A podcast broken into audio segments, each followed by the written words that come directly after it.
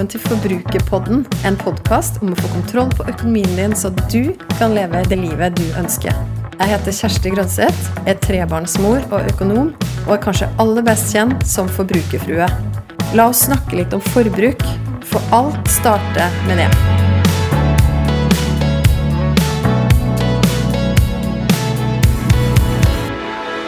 Den uka her i Forbrukerpodden så kjente jeg på et behov for å snakke litt om situasjonen i verden akkurat nå, og hvordan det påvirker deg og økonomien din. Og du har sikkert allerede klikka deg inn på de sakene som forklarer nettopp det. altså Sånn her blir økonomien din påvirka av det som skjer nå. Konflikten mellom Russland og Ukraina og invasjonen av Ukraina. Sånn her påvirkes aksjefondene dine, sånn her kommer det kanskje til å gå med renta i Norge, det her kommer til å skje med strømprisen osv. Det kan godt hende at du har klikka deg inn på de sakene allerede. Og mest sannsynlig så er jo nyhetsfeeden din uansett helt fylt opp nå av det som skjer i Ukraina. Og så har vi ulike måter å reagere, respondere og kjenne oss i sånne her situasjoner. Og derfor så stiller jeg egentlig mer Denne episoden her er mer et spørsmål til deg. Altså hvordan påvirker situasjonen i verden akkurat nå deg og økonomien din? Fordi at én ting er jo det som vi kan det som også veldig mange økonomer uttaler seg om, hvordan eh, verdensøkonomien og også da din privatøkonomi blir påvirka av krig, konflikt og sånne her type kriser. En annen ting er jo hvordan du lar det påvirke deg, og hvordan du lar det påvirke din økonomi. Og jeg har lyst til å reflektere litt rundt akkurat det sammen med deg i denne episoden. Jeg håper at du også kan få noen tanker på hvordan du forholder deg i en sånn her situasjon. I boka mi 'Rikere enn du tror' så har jeg et kapittel, et eget kapittel som handler om å sikre seg. Det handler om å sikre seg her og nå med penger på konto i tilfelle noe uforutsett skulle skje. Og det handler om å sikre framtida si med å ta gode valg, som også gjør at du kan bygge opp noen verdier over tid. I introduksjonen til den, det kapitlet så skriver jeg litt om at før mars 2020 så hadde jeg i hvert fall aldri tenkt over at det var lurt å ha et eget beredskapslager hjemme. Men også i researchen til boka så kom jeg over da Direktoratet for samfunnssikkerhet og beredskap, forkorta DSB. De har faktisk en egen nettside som heter sikkerhverdag.no, hvor de har bl.a. et eksempel på et sånn her type beredskapslager. For jeg vet ikke om du husker tilbake til mars 2020, men det var i hvert fall da vi drev og kjempa om de siste dorullene på hylla, fordi alle skulle ut og hamstre, fordi nå ble skulle landet stenges ned, og det var krise. Og noen eksempel fra det beredskapslageret det er jo nettopp det å ha dopapir og tørkepapir tilgjengelig hjemme. Altså Den lista den kan du godt gå inn og, lese og se på sjøl. Den ligger altså på sikkerhverdag.no. Den snakker om hva bør man ha tilgjengelig for å kunne klare seg i tre døgn. Og Da snakker jo de om ulike typer ting som kan skje. Man kan miste strømmen av ulike årsaker, eller tilgang på vann. Og ja, av, av, ulike årsaker, rett og slett. Så De snakker bl.a. om at man bør jo ha da ni liter vann per person liggende. To pakker knekkebrød per person. Nå bare leser jeg noen eksempler fra lista. Én pakke havregryn per person. Og så tre bokser middagshermetikk eller tørrmat osv. osv. Og jeg vet ikke om det her var tilfeldig, men når jeg skulle gjøre ukeshandelen vår denne uka, her, så var det faktisk utsolgt for havregryn der jeg skulle kjøpe det. Og da fikk det meg til å tenke tilbake igjen på denne lista med beredskapslagre. Mon tro om det var helt tilfeldig, eller om folk nå har gått av gårde og hamstra havregryn fordi det er en ting som man tenker at å, ok, hvordan kan vi forberede oss nå på en eventuell krisesituasjon også her i Norge? Eller jeg vet ikke, man blir bare påvirka av alle nyhetene og alt det som skjer, og så tenker man automatisk mer på sin egen sikkerhet og beredskap. En av de andre tingene som står på lista, er jo også det her med jodtabletter ved atomhendelser. Det er jo også utsolgt veldig mange plasser. Og det var jo nyhetssaker denne uka her som sa at nå har man innført begrensning på antall pakker man kan kjøpe per person. Så det virker for meg som at nå har også vi nordmenn på en måte mobilisert, og det er klart at vi blir påvirka av det vi leser og det vi fyller oss med av de store overskriftene, og at eh, Russland har satt atomvåpen i beredskap. Det er jo kjempeskumle overskrifter. ikke sant? Og så, og så, kan det se ut som at da vi, tar vi det, og så går vi rett til ok, vår egen beredskap, og så, og så tenker vi åh, hvordan kan vi sikre oss? Og jeg brukte jo det som en innledning til å snakke om det med å ha en krisebuffer, det med å ha buffer på konto, penger i banken, rett og slett. Fordi det er jo mye som kan skje av uforutsette hendelser som gjør at du også får uforutsette utgifter. Og var det én ting som veldig mange fikk erfare gjennom nettopp koronapandemien, så var det jo det at ja, man kan også miste inntekt i en periode.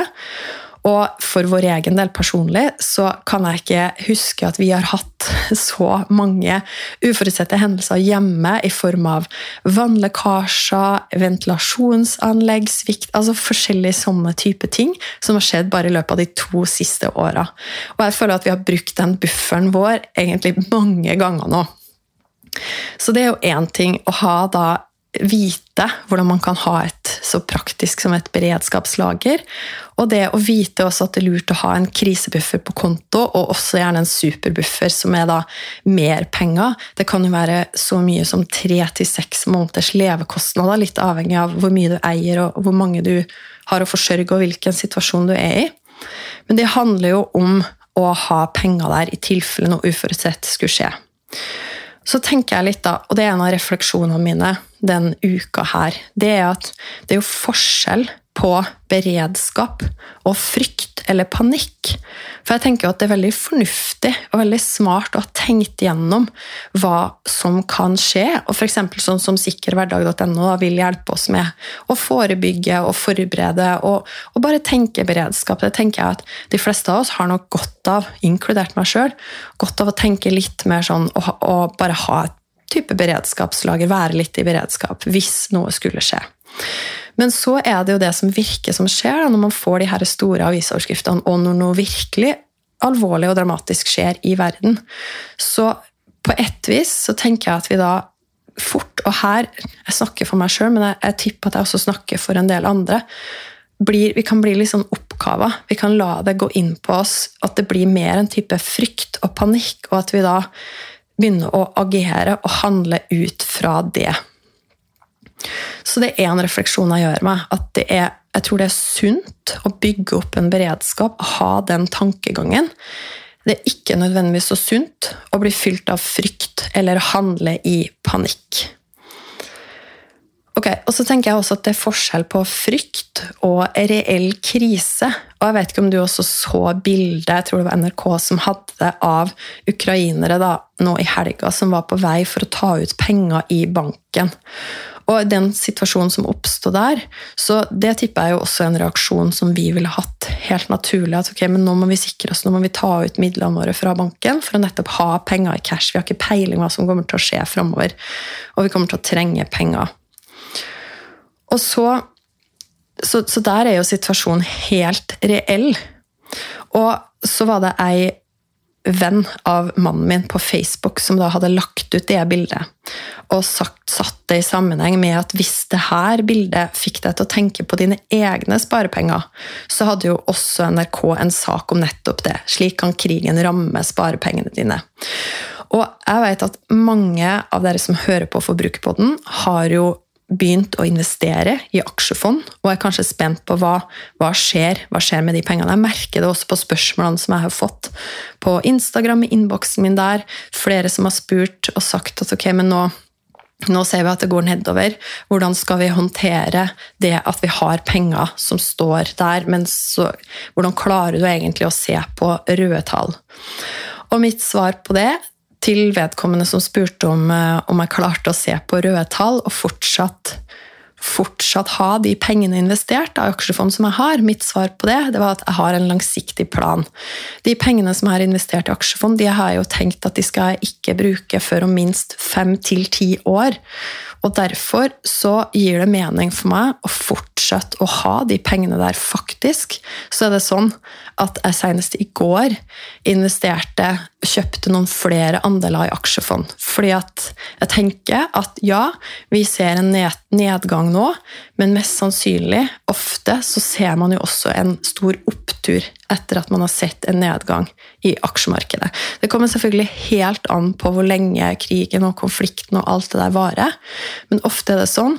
Og det viktigste budskapet er uansett at hvis du har en langsiktig strategi, det her er penger som du ikke har tenkt til å bruke før om minst fem til ti år, så er det ikke fornuftig å få panikk og begynne å selge unna de andelene nå. For da kan det hende at du har endt opp med å tape på det, istedenfor at du nå bare forholder deg rolig og tenker at ok, det, det koster litt, kanskje jeg da bare skal stenge ute den oppdateringa på saldoen på aksjefondene mine. Da. Det er jo for øvrig en lur ting å gjøre uansett, fordi at det kan svinge veldig mye fra en dag til neste. Så det å sjekke saldoen på, på det du har investert i aksjefond Hvis du har det lett tilgjengelig i nettbanken, i en aksjesparekonto f.eks., det er veldig fristende.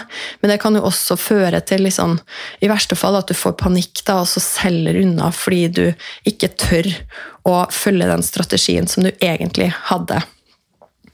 Så det er jo budskapet uansett, egentlig. Og det er litt sånn at jeg vil at du skal tenke gjennom hva er det nyheter som det her, og det å fylle seg med det gjør, og det å kontinuerlig holde på å se på hvordan, det, hvordan markedet beveger seg sånn. Kanskje ikke det er så lurt. Kanskje det heller ikke er så lurt å holde på å oppdatere seg på nyheter absolutt hele tida. Så det handler vel om hvordan det er en av de tingene som jeg vil at du skal tenke gjennom når du hører denne episoden. her, Hvordan, hvordan reagerer du sjøl? Og jeg vil også bare dele noe som jeg leste på Instagram-kontoen til Syk deg, Maria Østhassel. Hun snakka om det her med psykologisk krigføring. Og at sterke trusler er et våpen som brukes aktivt for å vise makt, vekke frykt og terrorisere store folkegrupper. Dette er vi mange som kjenner på nå, skrev Maria. Og så hadde hun noen råd. Og et av de rådene var jo å sette av avgrensa tid til å oppdatere deg på nyhetene. rett Og slett. Og et annet råd som jeg, var, som jeg, likte veldig godt, var jo det å leve som før. Altså Selv om mange lider stor nød, skriver Maria, så kan du med fordel gjøre ting som er godt for deg. Som å finne på ting med venner, gå på aktiviteter og koble helt ut. Og så hadde du flere råd som du kan lese hvis du går inn på Instagram-kontoen til Sykt deg. Og så er det jo det her med andre ting av din økonomi, i tillegg til de investeringene du har gjort, da, som denne krigen da påvirker. Det ene er jo at nå er vi jo litt usikre på hva som kommer til å skje med renta. fordi den er jo forventa å skulle gå opp. Men det kan jo hende at det blir utsatt i en sånn her type situasjon. Men det kommer også an på hva som skjer framover. Og jeg leste noe interessant i en kilde som heter Finanswatch, av en professor som jobber på den skolen som jeg sjøl gikk på, Norges handelshøyskole, som heter Ola Grytten. Og han snakka om det at sentralbanker ofte er forsiktige med renteoppganger i krisetida. Fordi at egentlig så er det sånn at det vi ser nå, er jo mye økte priser. Altså økte priser på drivstoff, økte priser på strøm. Og det er jo generelt sånn at når det blir mindre av noe, f.eks. en råvare, eller frykt for at det skal bli mindre av noe, så går jo gjerne prisen opp. Så, men som han Ola Grytten, han økonomiprofessoren, sier, da, så er det mulig at det blir litt vel stramt for vanlige husholdninger i Norge hvis renta går kraftig opp samtidig som energipriser og da prisene øker generelt. og Derfor kan det jo hende at renta ikke settes opp så mye så fort som man hadde tenkt. Og som han, økonomiprofessoren Ola Grytten da sier, at lengden på konflikten vil ha stor betydning for hvordan de økonomiske markedene påvirkes. Og dermed, for vår del, altså hvor mye prisene kommer til å stige generelt, hvor mye drivstoff, strømprisene kommer til å stige, og også om det blir renteøkninger, og hvor raskt de kommer. Så det er jo mye usikkerhet og risiko knytta til de tingene her nå. Men der er det jo også litt sånn forskjell, tenker jeg, på å være i beredskap eller å få frykt eller panikk, hvor da det siste ofte ikke fører til at vi tar særlig gode valg. Mens hvis vi er i beredskap, altså hvis vi tenker da at ok, nå har vi jo hatt en vinter med ekstraordinært høye strømutgifter, hvor det er gode grunner også til å bruke bufferen på nettopp det, eller kanskje har du allerede måttet lagt om noen vaner knytta til strømforbruket, gjort noen enkle investeringer som har ført til at du bruker mindre strøm, f.eks. Eller at du bare har tenkt annerledes om når du bruker strømmen, og hvor mye du bruker til enhver tid. F.eks. hvor varmt du har det inne. Så det kan jo hende i en sånn situasjon også det med å planlegge for at ja, så blir det kanskje fortsatt høyt nivå på strømregninga. Hvordan kan du planlegge for det uten å få panikk, uten å bli bekymra og bli veldig grepet av frykt, men egentlig å planlegge hvilke vaner er det du kan fortsette med, også fra den perioden vi har hatt med høye priser. Så det jeg vil du skal tenke på når vi står overfor en sånn situasjon som vi gjør nå i verden, er at du har et valg i møte med sånne situasjoner. Og her snakker jeg altså igjen like mye til meg sjøl. Det ene er jo sånn som Maria syk deg snakker om, det med å beskytte vår egen mentale helse og sette litt sånn grenser, våre egne grenser, for hva vi syns det er greit å ta inn på hvilket tidspunkt. Det andre er jo det å holde deg til planen din. Når det gjelder da f.eks. langsiktige investeringer, at du ikke lar frykt og bekymring ta deg og føre til at du tar valg som du egentlig ikke hadde tenkt å ta, og f.eks. ender med å selge andeler du har i fond før du egentlig hadde tenkt å gjøre det. Så handler det også om å finne, som jeg var inne på, da, de gode vanene som gjør at du ikke bare når det er krise, men også over tid, har et sunt og bærekraftig forbruk. Vi snakka litt om vaner knytta til strømforbruk, men det samme gjelder jo på mat. At du finner din rytme, at du finner din måte å planlegge på og prioritere på, som gjør at du ikke trenger å bli så stressa når du da ser overskrifter om at matvareprisene potensielt kommer til å øke. Så mange av de tingene her, det høres jo lett lettere sagt ut enn det er gjort. Men det handler om å gå inn din, i din privatøkonomi og se på hvilke grep du kan gjøre knyttet til planlegging, prioritering og bevisstgjøring. Ikke minst hvilke vaner er det du vil bygge som gjør at du over tid har et nivå på ditt forbruk som er bærekraftig. Og så Det siste punktet jeg vil trekke fram, det handler om å flytte fokuset over på andre. Fordi ja, vi har et valg i møte med sånne situasjoner sånn som det her. Det er jo Jeg leste et tall på at det er rundt 400 500 000 mennesker nå som er på flukt, bare fra, fra Ukraina. Og tilbake til den vennen av mannen min sin Facebook-post. Den posta jo da et bilde av ukrainere som var på vei til å ta ut penger fra banken, og kobla det til at hvis du er bekymra for dine egne sparepenger, så viste hun i den posten da, 'Slik kan krigen ramme sparepengene dine'. Og så hadde hun et tredje bilde der hun skrev at og når du innser at sparepengene dine mest sannsynlig er trygge, så har jeg tips til hva du kan gjøre med en del av dem. Og så var det en eh, link til da en organisasjon som jobber som det står da, med hjertet for de aller fattigste, og som også har innsamling til Ukraina i det tilfellet her. Og det er sånn at eh, den eh, innsamlingstjenesten, Spleis, jeg leste også at de har aldri opplevd høyere beløp på kortere tid og innsamling til Ukraina enn de har nå. Og det viser jo at det er veldig mange også som mobiliserer på den måten. At de faktisk da trosser litt sine egne bekymringer og sin egen frykt. Faktisk så tror jeg at det mange ganger kan hjelpe. Det kjenner i hvert fall jeg. At hvis jeg får for mye fokus på hva betyr det her for meg, og går for mye inn i mine og lager scenario på krise og hvordan, hvordan det kan slå ut for min del hvis jeg heller flytter fokuset over på de som er en reell krise akkurat nå.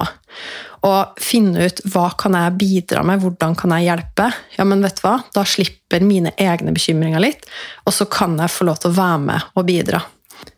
Det var en venninne av meg som delte i sin story på Instagram om eh, ei hun kjente som da hun var lita jente og så krig og konflikt på TV og blei ganske redd, så hadde bestemora hennes sagt men se på alle hjelperne, se på alle som løper rundt og prøver å hjelpe.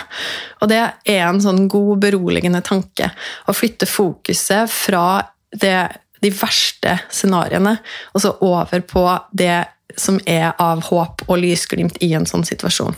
Og ikke minst da når du kan være med og bidra, når du kan få lov å være med og gi av dine penger, hvis du tenker at du ønsker det i denne situasjonen, så er det med på å gi håp til mennesker som trenger det, på å bety en forskjell, og du vil også oppleve å få et litt annet perspektiv på din egen økonomi og din egen situasjon.